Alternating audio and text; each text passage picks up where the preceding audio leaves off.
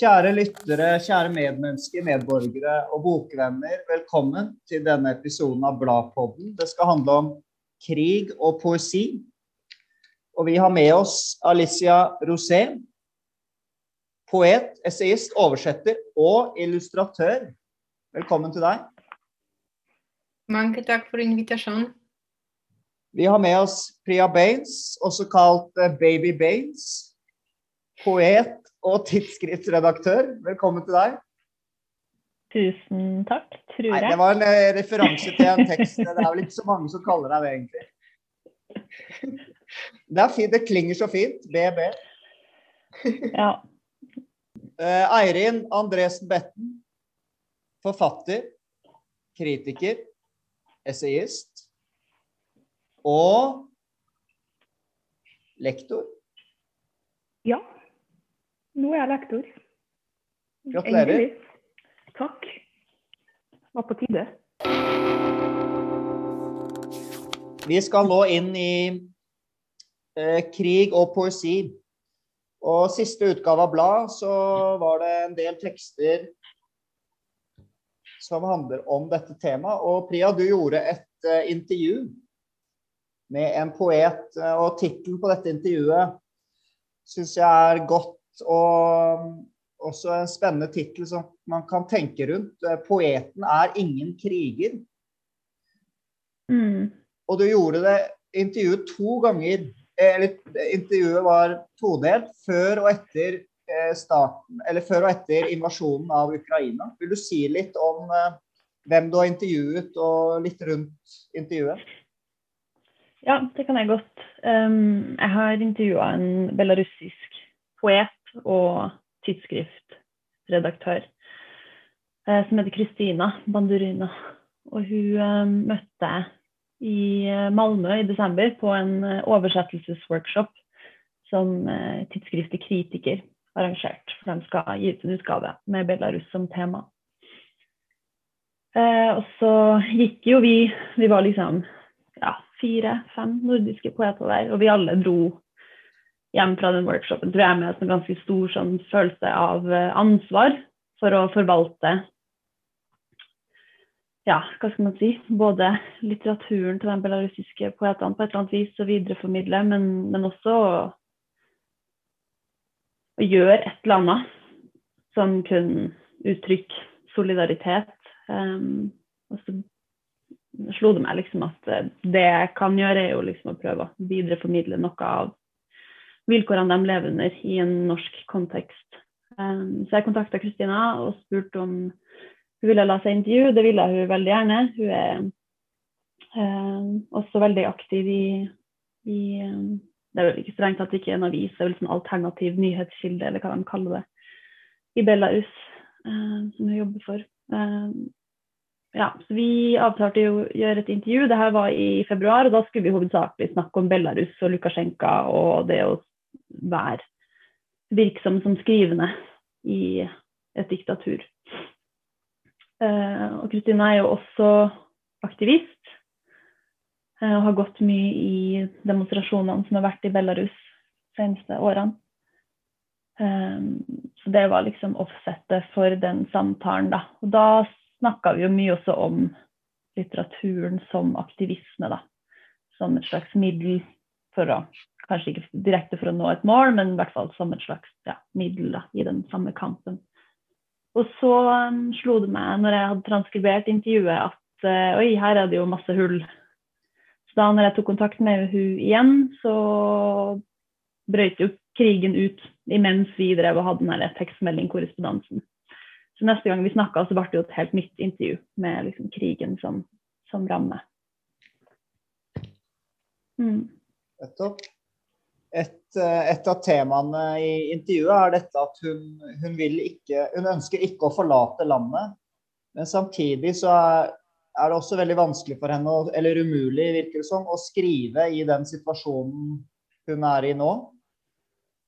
Um, jeg også har jeg snakket med deg tidligere, Alicia, om uh, hvordan krigen kan påvirke poeter. Uh, gjorde du deg opp noen tanker om det når du leste dette? Jeg har, lest intervjuet. Jeg kjenner det fra fra min kropp, jeg kan si. Eh, jeg vokste opp eh, i Polen hvor, hvor, vi hadde kommunisme, så jeg, jeg, jeg fortsatt ble, jeg ble kjent med dette. Jeg ble kjent også med hva mener Sovjetunionen. Og jeg, jeg, også var i Russland, og jeg bodde veldig nært den, det russiske landet, fordi det er Kaliningrad zone, som er i nærheten av uh, min hjemby uh, i Polen. Også min familie opprinnelig kommer fra hva er nå Ukraina, men det var Polen før. så min familie bodde i Lviv og i Mariupol og i Mar Mariupol. Eh, og de måtte rømme to ganger. Eh, det var første krigen, og så eh, Nei, tre ganger, faktisk. Det var første krigen, og så bolsjevik, bolsjevikkrigen. Nei, si bolsjevikkrigen. og så andre krigen. Eh, og de aldri kunne komme tilbake fordi etter krigen Eh, som drevet eh, Tyskland og Russland, eller Sovjetunionen, de endret grensene. Og alle folk som bodde eh, i Lviv og i området av Lviv, som er nå Ukraina, de ble tvunget til å flytte til nord eller sør av Polen. Eh, og de som bodde der, som Øst-Prøysen f.eks., som min familie ble tvunget til å flytte til. Eh, disse folk ble tvunget til å flytte til, til Tyskland. Eh, så begge deler mistet sitt sted. Så jeg, det er litt som jeg vokste opp i skyggen av krigen. Jeg kjenner det i, jeg har det i DNA. Og en del av min familie ble eksilt til Siberia. Og en del i, var i nazikamp i Sachsenhausen og Buchenwald. Så jeg, jeg, jeg, det er litt som zombie som, våk, som våknet. Um, og så i, i, Polen vi, vi vokser opp med, um, med å lese um, poeter som skrev om krigen. Um, og en del av dem døde når de, når de ville kjempe. Uh, det viktigste delen av krigen jeg kan si som, som uh, foregår i Polen, det var i Warszawa. Det var opprørelse i 1941.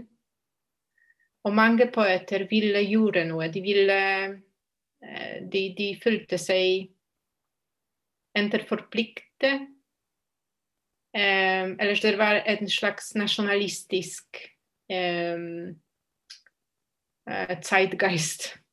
Uh, jeg liker ikke den, den formen uh, av å se på historie. Men eh, det var en nasjonalistisk eh, høyre, høyre side eh, mentalitet som våknet. Og de hadde en gruppe som, het, som, som, som de kalte Stuka i narod, kunst og nasjon. Og de skrev veldig nasjonalistiske tekster som nå eh, jeg klarer ikke til å lese. Det er ikke poesi. Det er, eh, det er veldig mm, Det er en tekst som du kan bruke som pamflett, som manifesto, men ikke som poesi. Og det var en poet som Czesław Miłosz, som uh, ville ikke bli med. Han ville skrive på en annen måte. Han ville ikke bli med til å kjempe. Han ville ikke kjempe. Eh, og han trodde at han er en poet, mener han må skrive. Det er litt som Katarina sa i intervjuet, at hun må skrive. Hun, hun er ikke til å kjempe. Som Jors overlevde, og det var mange som eh, angret på dette, kan jeg si sånn. Eh, men jeg tror eh, det er litt sånn, det er en diskusjon i Polen som fortsetter. Eh, skulle vi, skulle vi ha kjempet, eller ellers ikke? Skulle vi ha bare gi opp som Frankrike og ha re regjering som Vichy? Um, og, og, jeg har ingen, ingen, svar til dette. Jeg vet at f.eks. Sirhi Jadan nå er der i Kharkov og kjemper. Uh, jeg er imponert, men samtidig jeg, jeg, Det er ikke hans sted. Jeg vil så Hvem er dette? Sergej Zjadan det er en av de viktigste poetene eh, fra Ukraina. Han er i Ukraina og kjemper? Kharkov. Ja, og i Kharkov. Okay. Og, og, som dere vet, Kharkov er en, eh, ja, en fantastisk by eh, med et universitet, en stor, stort universitet. Eh, og de samarbeider med Princeton f.eks., eller med Yale. Eh, det, jeg kan si det var en vakker by, fordi det er allerede helt ødelagt. Så han har fortsatt der, og han, han kjemper som soldat. Eh, og som jeg sa til deg, jeg allerede mistet en venn som var en filosof, en veldig ung mann, som jeg ble kjent med på et seminar med uh, Timothy Snyder og Marcy Shore uh, i Polen. Um, min venn har en institusjon på grense mellom Polen, Litauen og Belarus, og arrangerer hvert år seminar med Timothy og Marcy. Og Jaroslav Hrytsak, det er en, en ukrainsk filosof. Og han inviterer mange studenter fra området. Fra Ukraina, fra Belarus og fra Litauen. Så jeg ble kjent med mange unge, fine folk. Veldig fine. En, en generasjon som virkelig har noe til å si. De virkelig erfarte noe, og de virkelig um, reflekterer. De, de, virkelig har noe å si. Det er veldig viktig. Og så det, så det er så grusomt uh, at, de må, at de må kjempe nå. Uh, og vi er poet er ingen kriger, men uh, det er så vanskelig å, å si hva vil du, hva ville jeg gjøre i en slik situasjon. Krishina sier um, i intervjuet at 'jeg ønsker ikke å forlate landet', men det handler ikke om nasjonalistiske følelser. Jeg er bare ikke klar for å dra. Og, og at hvis hun drar, så er det en slags seier for um, diktaturet i, i Hviterussland. Samtidig så er det jo det at hun, får, hun, hun beskriver en del depressive symptomer og får ikke skrevet, men hun har laget et tidsskrift. Ja, hun har um, Det snakka vi litt om at uh, hun har starta et uh, tidsskrift på nett som heter Taubin Poetry. Der de videreformidler andres poesi, og også en del oversatt ukrainsk poesi nå, da. Som ja, at det var en, en, en ting hun følte hun kunne gjøre, da. Ut fra sin posisjon, når hun selv ikke får til å skrive. Og det ser man jo egentlig at det skjer jo her i Norge også. Det spres jo masse ukrainsk poesi, f.eks. Så det er jo et eller annet der som er jeg vet ikke om man skal si paradoksalt. men man kan godt si at liksom, poeten er ingen kriger. Men så er det bare et eller annet med at man likevel vil spre litteraturen. Og der er det jo et eller annet som rører seg. Det er jo noe der som oppleves som, som viktig likevel, da, tenker jeg. Uten at jeg her i Norge skal sitte og be noen om å sitte og skrive dikt i en krigssituasjon. Um, mm. Jeg får litt følelsen av at altså, igjen det, av det som blir sagt, at det, ligger, det er et eller annet i rommet mellom um, Du har den fysiske kampen, det er den mentale kampen, men det er òg et eller annet i rommet mellom um, altså forpliktelse. Um, og kamp. Og det kommer fram både, både i diktene her og det Kristina uh, sier i intervjuet. Da, og det er muligens at det er det rommet der som er helt ikke tilnærmet omtrent umulig å, å, manøvre. For her har du, her har du poeten uh, Alicia, som er, din, uh, som er din venn, som nå er å kjempe, uh, eller blitt soldat. da, Som ender opp med å legge, altså sette til side muligens poesien i en periode her for å kjempe den fysiske kampen. Men så har du òg Kristina her, som velger å, å videre, lage rom for andre poeter når hun sjøl da ikke greier å, å, kjempe den kampen med å skrive poesi sjøl.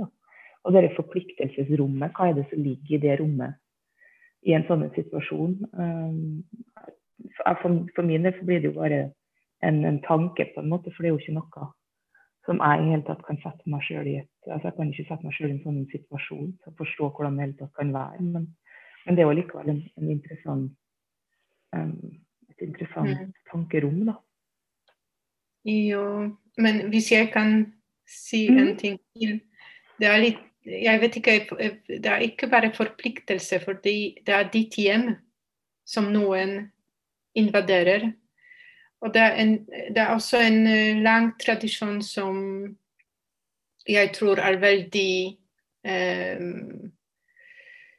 eh, dyp i mentalitet eh, av Europa eh, som kommer fra Horatio, fra en eh, romersk eh, poet. Dulce et decorum est pro, pro patria mori.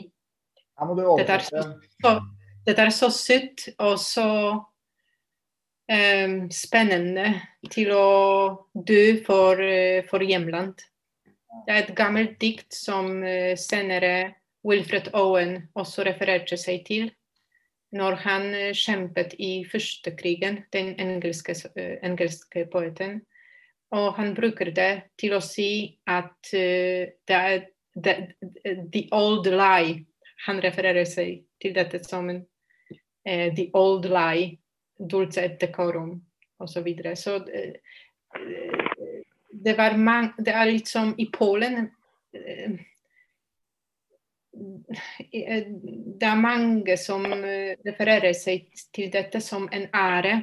Det er en ære til å dø for hjemland. Eh, så det er litt som en eh, Jeg tror, jeg tror det er litt falsk, falsk vakkert, estetisk tradisjon. det var også en engelsk poet, Edward Thomas, som også ville kjempe. Det var en, en Dere sikkert kjenner den, det diktet av Robert Frost, uh, the, the, the, Road Not Taken'. Uh, det diktet faktisk refererer seg til Edward Thomas, som visste ikke enten skulle han kjempe eller ikke. Så endelig han går og kjemper, og han dør første dag i krigen, i, i slag av Arras. Eh, han, han, var ikke i stand til å, til å, kjempe. Det var helt dumt. Um, men, ja, men, men, hvis noen invaderer ditt, ditt hjem og sier at det er ikke ditt hjem, jeg skal ødelegge ditt hjem, hva gjør du? Um, det, det, det, er ingen svar, virkelig. Jeg tror det er ingen svar. Men uh, um, ja, jeg vet ikke, jeg er så du vet, Jeg er veldig knust av hva skjer, så jeg er helt uh, Jeg vet jeg er helt emosjonelt. Uh, um, Krishina i intervjuet beskriver det som et traume. Eller hun bruker ordet traume, og at på en måte alt de snakker om, på en eller annen måte handler om dette traumet. Ja, det er en traume. Det er eh, Ja, jeg kan si at eh, ja, det er så dypt eh, genetisk ruttet at den traumen som var i familien min, jeg fortsatt har den. At jeg, jeg har det i, i mitt blod. Mm. Det bare våkner jeg vet ikke. Det, det fortsetter. Eh, også med, med hva skjer nå med Ukraina, jeg også føler at vi har ansvar eh, som Europa. Jeg tror Europa gjør ingenting. Du syns eh, Europa gjør for lite? Ja. ja. Det tror jeg. Og det er det samme hva skjedde i Polen i 1941. Ingen, ingen hjalp oss. Og det er det, det samme med Ukraina. Det, Ukraina er et offer. Det, ja, det må jeg si. Mm. um.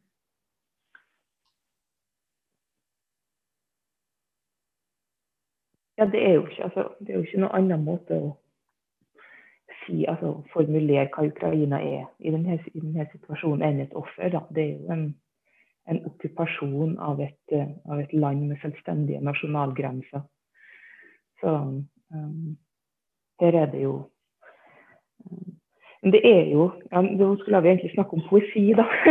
og det er jo og poesi møter krigspoesi. og Du nevner jo Wilfred Owen nå, f.eks. Og det er jo et veldig godt eksempel på et, et på, på, et av de, et av de virkelig store diktene i verdenslitteraturen som står igjen nå som et altså Det er bare, er ikke bare krigspoesi, men det det er, poesi som har en overførbar evne. Jeg hadde ikke tenkt på det diktet på veldig, veldig veldig lenge, faktisk. Vi studerte jo det da jeg studerte i England. og det og det vi I Norge så har vi jo til ungdommen av, av Nordahl Grieg, som, som var skrevet Eh, eh, under andre verdenskrig. Eh, og han var jo en av de poetene som, som reiste ut i krig og døde i krig. Han døde vel i 1943 i Tyskland, ble vel skutt ned. Um, og han reiste over til, over til, England, for han ville kjempe. Han var jo forfatter og poet først og fremst. Og Wilfred Owen var jo òg det samme, og han døde jo òg i krigen. Han døde vel rett i slutten av første verdenskrig i 2018. Så det er vel et eller annet med den derre mulig at det er sånn historisk sett at du har tilfeller av poeter som um, At det, det kaller til ytring, og det kaller til å gjøre til å gjøre situasjoner og hendelser forstått gjennom ulike typer skrift, kanskje òg føre noen mennesker inn i den fysiske politiske aktivismen. Da som òg er veldig interessant. At de to tingene der er De er ikke så, um, så fjerna fra hverandre som vi tror. At det å skrive et eller annet uttrykk, et eller annet, gjør noe forstått for andre, og ønske om at uh, ønsker på en måte å kjempe for den kampen, eller for det en mener er riktig, at de to tingene kanskje En tenker kanskje på det to separate entiteter, men at det kan være noe fra den samme viljen. Da. Det er bare en tanke. Men, men at det kan jo når vi snakker i hvert fall om poeter som både har vært i krig og skrevet dikt fra dem, at det er et eller annet i det rommet der. At kjempe, altså kampen deres kommer fra, kommer fra en plass. Mm. Det er jo det poesi òg. veldig mye poesi vil. Bare tenk på dem på, det er bare ditt Alicia, og det diktet som vi skal lese. Vi kan jo kanskje gjøre det nå. Vi kan la deg få lov til å lese diktet nå. Jeg syns det er en fin tid for det. Um, Jonas, skal du eller jeg lese um, Ta det, du. Jeg tar det? OK. Um, altså er, eh, først er det et dikt av eh, Ia Kiva. Ja, og så har du skrevet en respons, eh, Alicia. Er det riktig å si det sånn?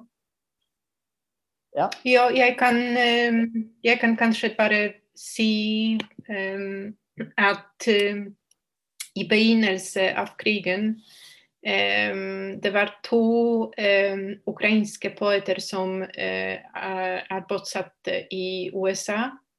Olga Livshin uh, fra Dnipro opprinnelig, og Julia uh, Dasbach fra Odessa.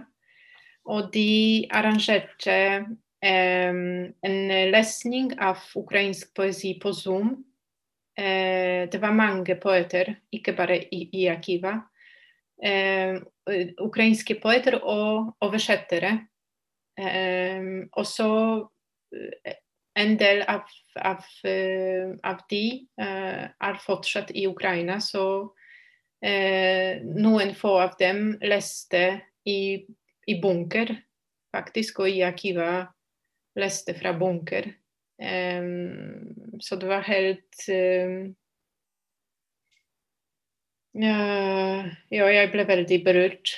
Um, og det var mange, mange folk, uh, en tusen uh, folk som uh, lyttet til.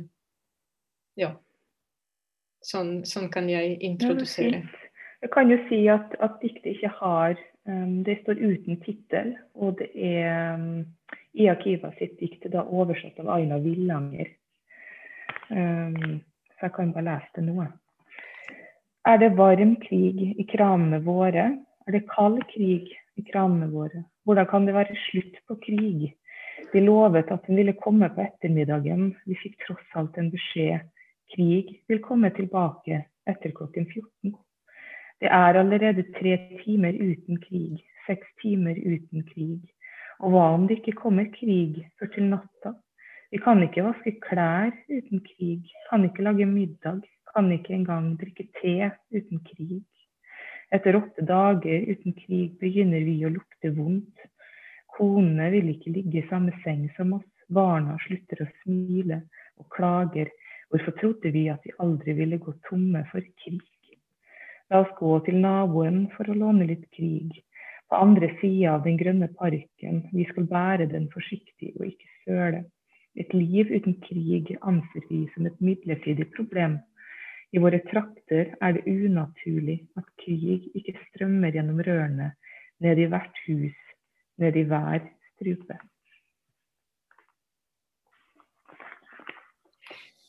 Jeg, jeg vil bare um, si en ting til, at uh, på ukrainsk um, krig er vojna og vann er voda. Så når hun skriver det er ingen krig i det er ingen, nie, nie det høres nesten det samme som nie ma, vo, nie. Så i begynnelsen, når jeg leste det diktet, jeg, jeg ble helt sikker at hun skrev vody. Fordi det var, ja, så det er veldig smart, veldig klok. Fordi det er det samme som Putin gjorde. Ja. Så det er ingen verdi i ord. Han kan si hva som helst. Mm. Ja. Men OK. Så jeg skal lese på, uh, på polsk først, kanskje, og senere på, på norsk. Słuchając na Zoomie, jak Ija Kiwa czyta wiersz o wojnie. Wczoraj słuchaliśmy na Zoomie, jak Ija Kiwa czyta wiersz w Kijowie, gdzie złote czapki cerkwi nie schowały się do schronu. Słuchaliśmy, każdy w swoim mieszkaniu, prawie każdy. Słuchaliśmy, a byliśmy tylko oczami, jakbyśmy mieli nic więcej, tylko oczy, jakbyśmy chcieli ochronić ją oczami którymi chłonęliśmy każde słowo, gdy w tle palił się babi jar. Ale pamięć nie płonie, ufamy. Pamięć jest nierdzewna. Pamięć niczym kret przeczeka, zahibernowana. Chcieliśmy wszyscy, tysiąc osób na Zoomie, w dwa tysiące oczu, trzymać nad iją parasol powietrza, tarczę naszego patrzenia, gdy skończyła czytać, podniosłam głowę. Na stole leżała książka z biblioteki. La tentation d'exister Ciorana. Wzgórza trzymały Bergen na kolanach. Zakwitły pierwsze krokusy. Wszyscy cieszyli się na wiosnę.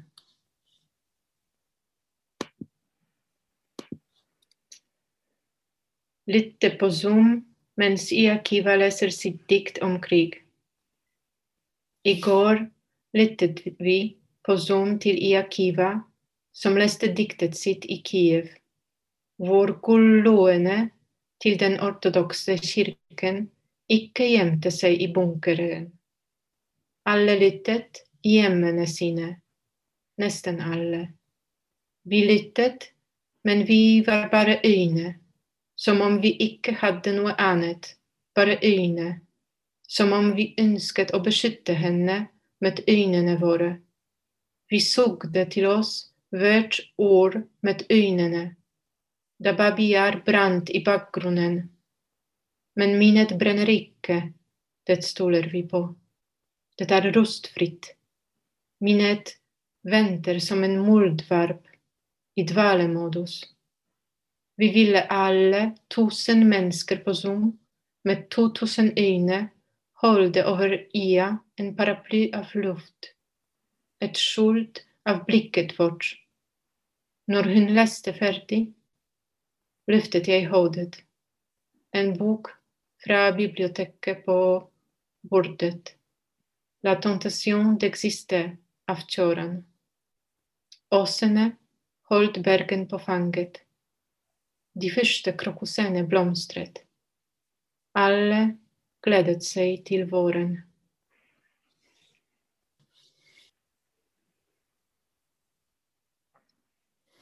I diktet ditt så nevner du den rumenske filosofen Ja. som du også var inne på da vi snakket om hvilke bøker vi leser for tiden.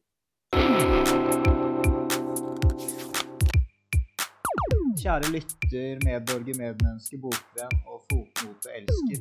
Velkommen til denne fotnoten. Noen opplysninger må med. For det første så kan du spole til slutten av episoden for å høre hva folk eh, leser for tiden. For det andre, det første diktet som ble lest av Ija Kiva, det er oversatt av Aina Villanger til norsk.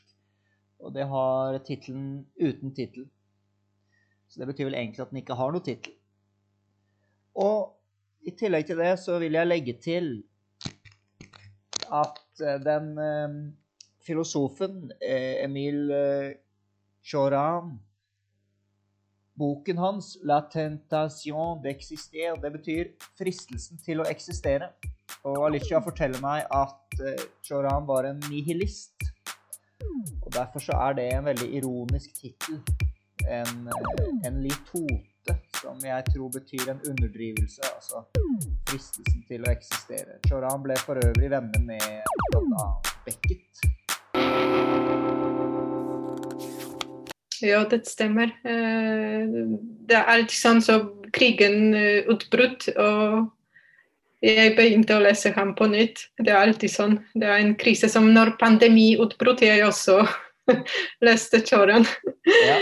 Eh, Det var en eh, veldig intelligent filosof, men eh, også, han var nihilistisk. Ganske, eller særlig nihilistisk, jeg kan si. Og i hans ungdom han var fascist, faktisk. Så jeg har et vanskelig forhold til ham. Men han skrev om nihilisme, så når verden er i krise, jeg, jeg mister, mister troen. Ja. Men i linjene etter så holder åsene Bergen på fanget, og krokusene blomstret. Alle gleder seg til våren. Det er alltid sånn. Det er alltid sånn at uh, åndskapet og vakkerhet Kan jeg si sånn? At de eksisterer, skjønnhet, at de eksisterer samtidig. Det er, det er en hemmelighet. Hvor, hvorfor er det sånn at uh, det er folk som lider, at det er en kriger, og bare ved siden uh, i Norge alt, alt skjer som, som vanlig. Um, jeg har ingen svar til dette, men sånn er det.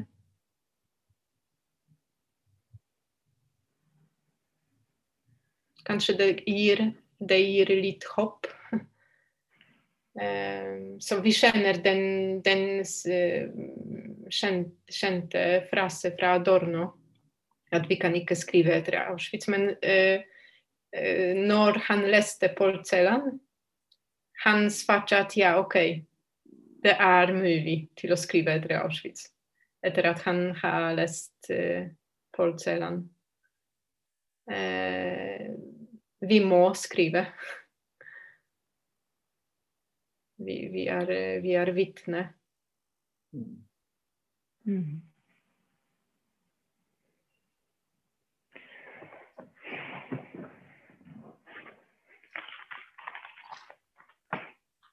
Jeg har lyst til å komme med en liten observasjon. Eh, jeg vet ikke hva dere tenker om det, men i, i det, tilbake til det intervjuet du gjorde, Priya, så sier hun flere ganger at kanskje dette høres eh, patetisk ut.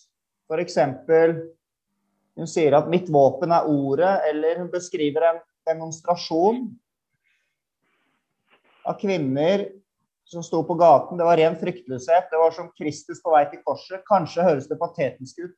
Det er akkurat som om de, disse erfaringene Jeg vet ikke om Alicia også kan si noe om det, men at det vekker ord i henne.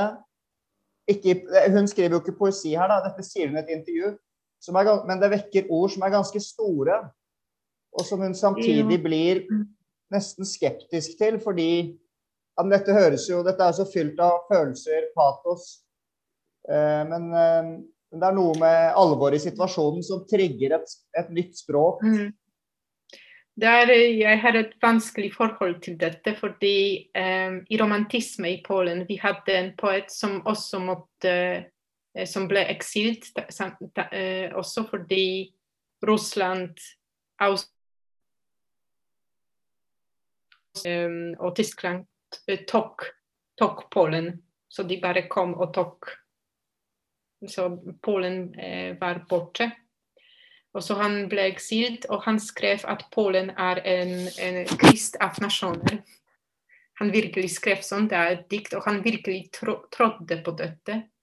Så det var en lang romantisk tradisjon i Polen som jeg allerede fortalte om, at uh, poetene trodde at de må kjempe for dette. At, det er, ja, at Polen er en Krist, Kristus som er offer. Eh, så eh, Jeg vet ikke jeg, jeg, er litt skeptisk til dette, og jeg, jeg alltid um, var imot motsatt eh, den romantiske um, retorikken.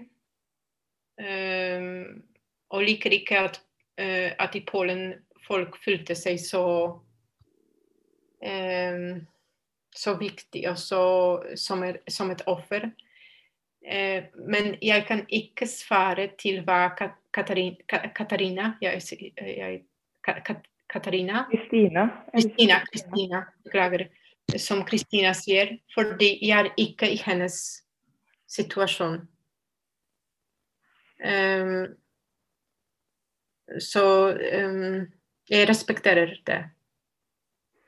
Men er det ikke også slik at, at det gjelder jo mange situasjoner. Det, den kommer jo ofte gjerne til den jeg vil ikke kalle det nødvendigvis en konklusjon, men en refleksjon av at, møte, at mennesket i møte med helt ekstreme situasjoner, om det er, om det er krig, om det er traumer, om det er um, overgrep, om det er død, om det er klima- og miljøsituasjon, faktisk, så kommer språket alltid til kort.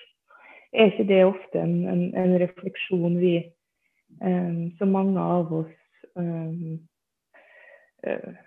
ja, vi tenker en del på det, da, fordi at, at, språket er jo en begrensning. altså Språket er en begrensa ressurs. Vi har enkle ord for ganske store, komplekse følelser. Det er veldig vanskelig på en måte å romme alle følelsene i, i, i det begrensa vokabularet som vi har, har til rådighet. Og, og, det er kanskje òg en av grunnene til at en, en eh, bruker liksom et, et tung, et patosfylt språk eh, en gang, og ikke minst kanskje til og med leker med både klisjeer og uh, åpenbare, eller åpenbare sammenligninger, fordi at det er den eneste ressursen vi har for å greie å fremme både assosiasjoner og konnotasjoner til situasjoner som, som egentlig ikke lar seg beskrive. Da.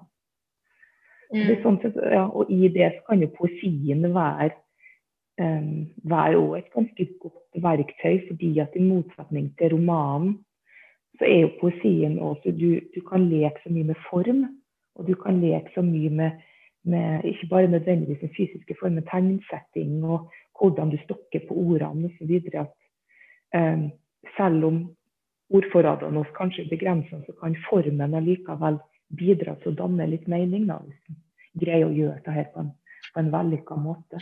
Det er derfor noen, noe av krigspoesien står igjen som veldig stor poesi, fordi at det er noen få poeter som har greid å romme kanskje fellesskapets følelse i enkle dikt. Da. Eller i, dem, de, dem diktene de har skrevet. Det kan kanskje være et eller annet som hun, Kristina her tenker på når hun velger å bruke det patosfylte språket.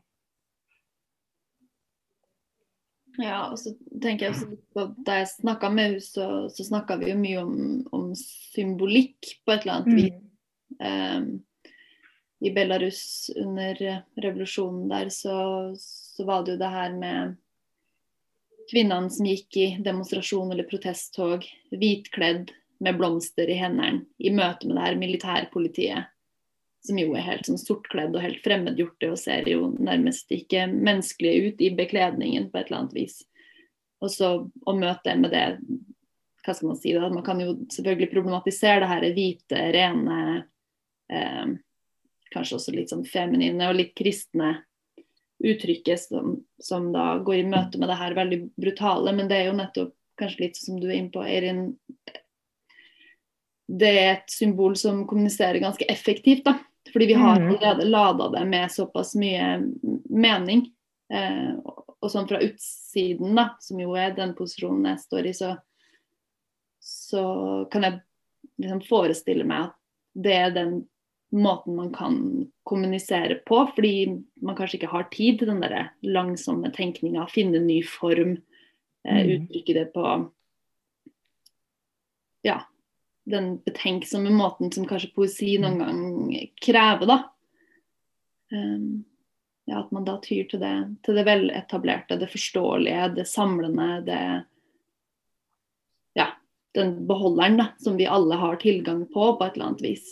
Uh, og det er jo selvfølgelig ikke uproblematisk, sånn som du og Alicia er inne på. Um, ja. En, eh, jeg syns det er en interessant eh, skala fra eh, Inger Hagerup sitt dikt under andre verdenskrig. Den, de brente våre gårder, de drepte våre menn. La våre hjerter hamre det om og om igjen. Det er, det er ganske vellykket og, og, betydde mye for folk som sånn kamplyrikk. Men hvis vi har det på den ene siden, og på den andre siden det du var inne på i sted, Alicia, Paul Celan sin bearbeidelse hvor det nettopp handler om å presse språket til det ytterste, fordi han kan ikke si han, han, kan ikke gjenta en del av disse formuleringene i det vanlige språket, for det ville liksom vært å Ja, ordene er tomme, da.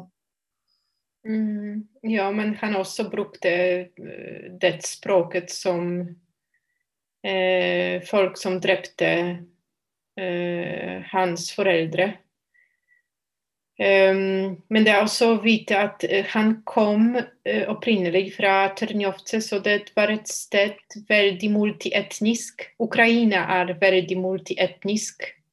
Um, og min familie som bodde der, det var, det var jøder, det var unger og austriaker. Um, folk fra forskjellige, fra tatarer. De, de, de brukte mange forskjellige språk. Um, og så um, han, han, han, kunne snakke også romansk, han kunne snakke også russisk. Uh, men det var hans morsmål. Det var hans mor uh, som brukte tysk. Så det var det språket som han eh, ble til, tilknyttet til, jeg kan si. Eh, så det var enda mer vanskelig for ham til å uttrykke seg i det språket. Men når han eh, reiste til Tyskland for første gang i livet sitt, han forstod at han, snakker på, han snakker, på en litt annen måte. Eh, det var hans egen måte etter alt erfaring, men også at eh, det var en Jeg vil ikke si dialekt, men det var som en øy, Ternjovice. Det var en øy. Et veldig spesielt sted. Um, og da han også måtte til å uttrykke seg på en annen måte, til å si hva han erfarte. Så det kunne ikke være tam-taram-tam-tam-taram-tam-tam-taram-tam. Eh, men det er, også, det er, også, noe som er bare hans, noe som er veldig spesifikt. Eh, han var surrealist, det må vi vite. Hvis, hvis, dere leser en bok av Jean Daive, det er en bok uh, som er skrevet av hans venn fra Paris. Uh, dere forstår at uh, hans måte å tenke på var veldig surrealistisk. og han var også romanisk, rett og slett. Så det er også noe veldig romanisk i, han, i ham. Han, han kunne også danse han var veldig mm, Og han ble forelsket uh, veldig lett. Så det, det, var en mann som følte seg veldig herlig og veldig lykkelig. Og da kom, kom krigen. Så, så, det er en blanding av, uh, av, disse, av disse to følelsene i ham. Ja. Han er en av de viktigste poetene som jeg leste i livet mitt, jeg kan si. Har du noe forhold til ham, Priya? Um, ikke noe sånn utprega. Liksom lest litt nei, her og der, men ikke noe. Nei. Jeg har lyst til å spørre deg, Priya. Vi var mm. litt, eh, Alicia, du var inne litt på det i sted, dette med krig som traume i en familie. Og i din bok, Priya, med resten av mine hender, så er det jo en familie, og det er en, en mormor og en morfar hvor man aner en krigserfaring. Mm. Eh, jeg vet ikke om du har lyst til å si noe om det i din bok, eventuelt eh, lese et dikt? Ja, jeg kan jo gjøre litt, litt begge. Ja, det har vært supert. Ja. Boka mi er ja, en slags uh, slektsfortelling, strukturert til dels som et uh, kor. Så det er ulike folk i familien som, som sier ting og forteller til hverandre. Um, og så er det tre generasjoner som er til stede, der uh, besteforeldregenerasjonen er i Punjab i India, der min familie er fra, som er en provins helt nord. Um, og på 80-tallet i India så ble um, statsministeren Indira Gandhi drept.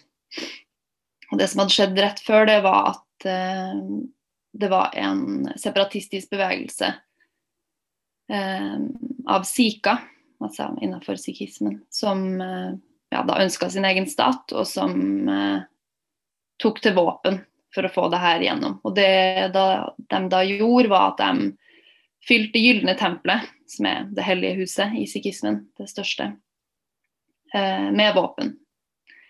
Hvorpå staten da sendte militæret inn, eh, som da leda til væpna konflikt. Eh, og masse sivile som også, også, ble drept. Og denne operasjonen fra statens side heter Operasjon Blå stjerne, eller Operation Blue Star. Så jeg kan lese um, litt fra det partiet der de besteforeldrene uh, på sin måte forteller om det her, da. Um, ja, det er fra en del av boka som heter 'Grensene som blir trukket'. De gamle konene sier Under opprøret bar vi barna, barføtt oppe i fjellene.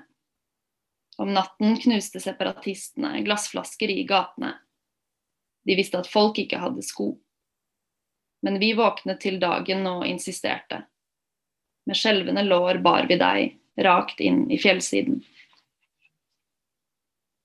Mormor sier. Du skal huske at det var en kvinne som ga hæren ordre om å storme det gylne tempelet, og at jeg gir ingen rett, verken separatist eller statsleder, fundamentalist eller konge, mann eller kvinne. Jeg gir ingen rett til å håne Guds navn. Kall det hva du vil, operasjon Blå stjerne for nasjonens sikkerhet, det kan være det samme, i hvem som helst sitt ærend. Men Gud bryr seg verken om kjønn eller våpen, om rang eller grenser, eller i hvem sitt navn du dreper. Morfar sier. I minnet skjer det igjen og igjen. Hæren tømmer store kanner med væske over våre menn, munner fulle av bensin. Hånden idet den stryker fyrstikken, lukten av brent kjøtt som siver rundt i landsbyen, selv inn i tempelets rom. Mormor sier. Kanskje vårt tempel fullt av våpen, men vårt folk helt uten forsvar. Kanskje separatistene militante, men mine barn helt uten skyld.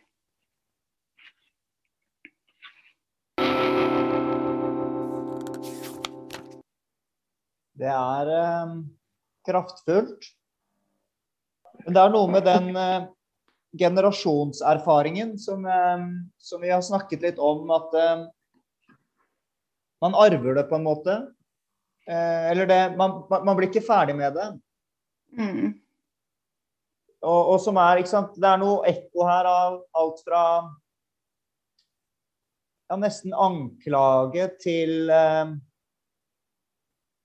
ja, til eh, mine barn helt uten skyld, altså det uskyldige. Ja, men, ja, det er akkurat som man kan ane traume her, da. Ja, jeg tror også at det henger sammen med en sånn um, følelse av uh, at det ikke er liksom gjort opp. vet ikke, Det snakkes jo mye i vår tid også om reparations, der jeg tenker at det er mange sivile mange plasser rundt omkring i verden som, som vokser opp med foreldre, eller sjøl vokser opp i situasjoner som bare Der det ikke oppstår noe rom for eh, Jeg vet ikke om tilgivelse blir helt riktig ord, ja, men for at eh, ja, ting blir gjort opp igjen. da. Um, og da eksisterer jo den volden bare fortsatt i de helt intime rommene, men også i storpolitikken. Altså. At det ikke blir helt bearbeidet? Det blir ikke bearbeida. Og da vet jeg ikke, for mitt eget vedkommende så tenker jeg jo at eh, jeg som er såpass privilegert og heldig å vokse opp under de omstendighetene jeg nå har vokst opp, at det minste jeg kan gjøre, er å prøve å snakke om det, prøve å skrive om det på et eller annet vis. Og bruke den muligheten mine familiemedlemmer ikke har hatt. Um, uten at jeg skal dytte den posisjonen over på noen andre. Så er det liksom den, det jeg tenker da, for mitt eget vedkommende.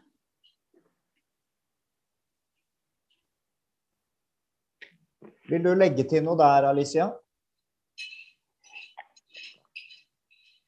Jeg trodde jeg har allerede sagt alt. Det er bare at uh, etter andre krigen, uansett jeg ble født mange år senere. Eh, det er en emne som jeg fortsetter å utforske. Det er som hele tiden jeg er alltid opptatt med andre krigen.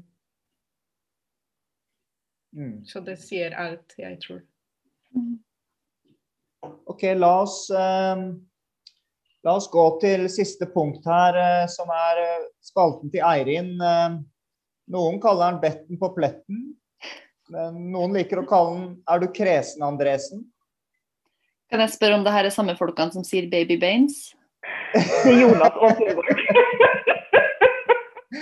Det er eh, samme person, ja. Det er faktisk det. Ja. Du har et spørsmål okay. til oss. Ja, jeg tar en litt sånn um, Klassekampen litteraturkvis på lørdag-posisjon uh, for denne her. Uh, hvor vi skal se om uh, en kan løse en liten sammenheng. Fordi noen av oss går jo ut i påskeferie nå på fredag, og noen neste uke. Men det, vi har noe altså det, Påskekrimmen er særnorsk. Det eneste, omtrent landet, det er det eneste landet i hele verden som har den der, som har, altså som har knyttet noe mellom påske og krim. Det er ikke noen andre som gjør det. Uh, så, og så har vi jo snakket om krigspoesi i dag, og de to, uh, krigspoesi og påskekrim, har én har um, De har en tilknytning til hverandre, kan vi si. Om det dere kan løse det, om dere kan tenke dere hva, hva det kan være. Supervanskelig spørsmål. Kan du gjenta det, Eirin? Ok, Den norske påskekrimmen og norsk krigspoesi ja. har en tilknytning. Har en tilknytning? Ja, de to tingene har en tilknytning til hverandre. Ok. Ja. Uh, det, er, det, er, en person. Det er en person. Ja. ja. Om dere kan tenke dere hvem det er. Eller, ja. Vi er ute etter en person um... mm. Kan vi få noe sånn eh, tidspunkt i historien? Ca. 80 år siden. Ca. 80 år siden, vet du. Da er vi 1940-tallet. Ja, her uh, Jeg fikk opp ett navn, men uh, Jeg tenkte på André Bjerke, for han, han var jo både poet Ja, men det er ikke André Bjerke. Sånn. Hva sa du? Det er ikke André Bjerke.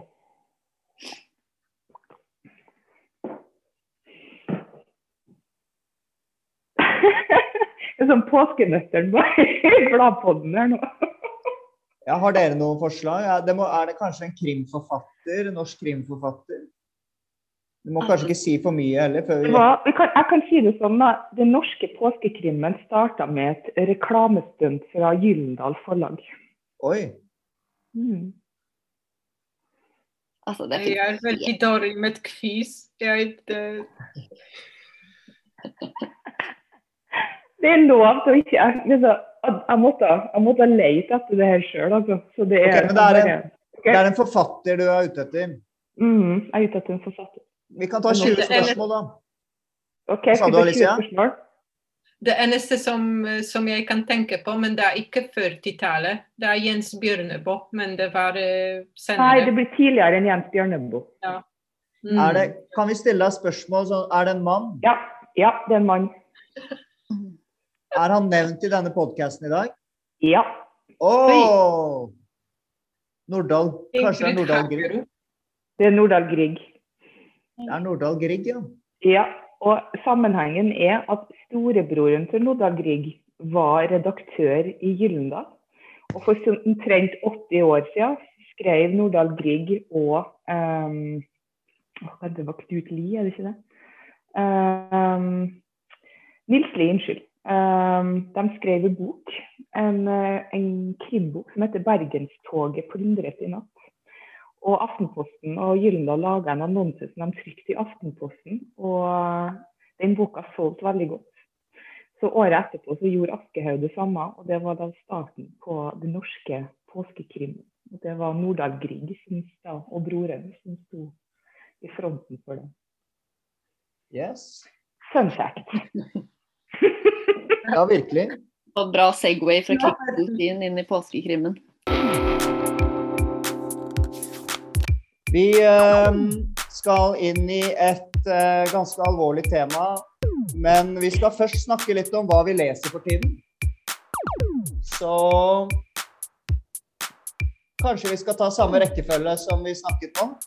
Uh, Alicia, har du noe spennende på listen din? Uh, jeg vet ikke om det er så spennende, men uh, når i verden skjer Når det er en krise i verden, uh, jeg alltid vender meg mot Emil Cioran, romansk-fransk filosof, og Hanna Arendt. Um, så det er en, en bok av Cioran som skrev om mauvaise demiurg, um, dårlig god. um, ånd, ond god, vi kan si. Og han er et som skrev om vold og terror. Så jeg ser etter Kanskje ikke svar, men gode spørsmål som våkner, eh, våkner meg, jeg kan si. Har han noen gode spørsmål i boken?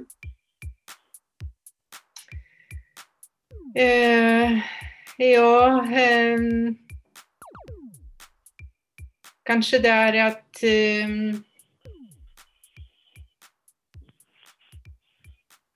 At Søren våk våkner i hvert menneske en del av um, ansvar. Så han spør om ansvar. Mm.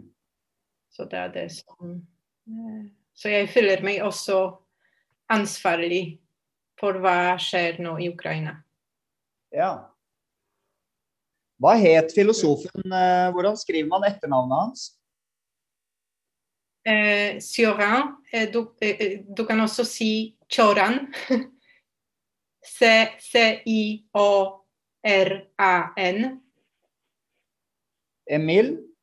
C'était un philosophe de Ro- Romagna, Emil. Eh, Ok. Spennende. Takk. Men ja, han eh, mm. Ja, Priya, hva leser du for tiden? Mm, akkurat nå, så i dag så har jeg sittet og lest i Sylvia Plath sine samla dikt, fordi jeg skal anmelde den norske gjendiktninga som kommer ut. Um, så det har jeg gjort. Og så har jeg uh, også gjenlest litt i en essaysamling som jeg er veldig glad i, som heter 'How to Write an Autobiographical Novel' Ja, av Alexander Che, som er bosatt i USA, i hvert fall. jeg ser Um, coveret har en sånn medaljong. Ja, det står eh, Lambda Literary Awards Finalist. Aha. Veldig sånn amerikansk blurbete omslag. Um, men ja, gjenlest litt den. Den handler liksom mye om å handler mye om å skrive i møte med eh, ja, hva skal man si da? Fascisme og undertrykkelse. Eh, han skriver da fra et amerikansk perspektiv, da, så det er jo litt annerledes. Han skriver mye om valget av Trump og skriver etter det. Han underviste på en skriveskole det året da Trump ble valgt inn. Så da han liksom kom inn i klasserommet dagen etter valget, så var alle elevene sånn Hva, hva er poenget? Og så er det liksom litt offsettet for denne essaysamlinga. Hva er poenget? Som er veldig fint. Jeg husker forrige gang du tok med en bok i, til Bladpodden, så kjøpte jeg den på Amazon mens du leste fra den. Dette er en spennende Jeg, jeg merker jeg får litt lyst til å kjøpe denne boken òg. Kanskje jeg skal bytte yrke? Burde jeg bli selger? ja. OK. Det er spennende med Sylvia Platt på norsk, da. Mm. Hva leser du for tiden, Eirin? Um, jeg leser Prøver jo alltid da å med sånt stakkarslig lite forsøk på å eh, lese litt samtidslitteratur. Så jeg leser eh, Judith, nei, unnskyld, Judith Herman der hjemme. Og Monica Fagerholm 'Hvem drepte Bambi'. Og så leser jeg Katie eh, Katie Kitamura 'Fortrolighet'. Um, jeg liker 'Hvem drepte Barbie', vel, hvem drepte Bambi Unnskyld. veldig, veldig godt. Um, det er, selv om det er en sånn stil som jeg ofte ikke egentlig har sånn veldig masse til overs for. Den er veldig sånn flytende, strømmende. Uh, hopper veldig mye fram og tilbake. Mye skifting av perspektiv. Men hun skriver så godt. Det er veldig, um, veldig fin, det god fortalt historie. Og så um, er det jo ikke til å unngå når det er altså i slike tider som det her Nå har vi jo altså Ukraina er jo én ting. Um, Men altså, FNs klimarapport har jo kommet ut nå, altså siste del kom jo ut nå i går. Så det, så det er på en måte Vi føler at den verden som, som rakner litt på, på, alle kanter. Han tenkte at det gjorde det i 2016 med Trump, men det på en måte bare fortsetter og fortsetter. og fortsetter. Så jeg um, fikk i posten nå nylig, det får bli min påskelesing, eh, Helen Thompsons eh, bok 'Disorder'. Hun er professor i historie ved Cambridge uh, universitet. Og hun har um, vært gjest i en podkast i fem år som akkurat er avslutta, som heter 'Talking Politics', med en annen historieprofessor som heter David Runciman. Som har kanskje vært min altså den podkasten jeg har hørt på de siste, siste fem årene. Jeg som følte litt religiøs. Og han David Runciman har òg en sånn eh, to sånne forelesningsrekker som er spilt inn som en slags podkast som tar for seg hva 22-25 store tenkere, da, og så går de hva fra, fra um, Thomas Hobbes og, og fram til i dag. Jeg lurer på mulig at Francis Fukuyama er den siste tenkeren. Jeg er ikke sikker. Kommer ikke husker ikke. Men disorder i hvert fall, som handler om på en måte hvordan hvorfor det er rett og slett lite orden i det 21. århundret. Og jeg gleder meg veldig til å sette i gang med den. Ja. Mm. Og du, Jonas? Takk for at du spør. Eh, jeg leser som vanlig Prostbind 2 del 2 eh, på sporet om tappetid, men, men jeg, leser, jeg, leser, også jeg, Jeg leste en sånn oversiktsartikkel om short stories. Og Da kom det en utrolig bombastisk påstand at short stories er en amerikansk form. Som startet med Nathaniel Hawthorne sin 'Twice Tall Tales' på 1840-tallet. Eller 1830-tallet. Det er altså Det er mange som har skrevet noveller før det, men uh, jeg syns det var interessant, så jeg har begynt å bare kikke litt på noen av de 'Twice Tall Tales'. Og det morsomme er at den første av de er en spøkelsesfortelling. Så jeg begynner å lage en teori om at novellen og spøkelseshistorier hører veldig nøye sammen historisk. Mm. you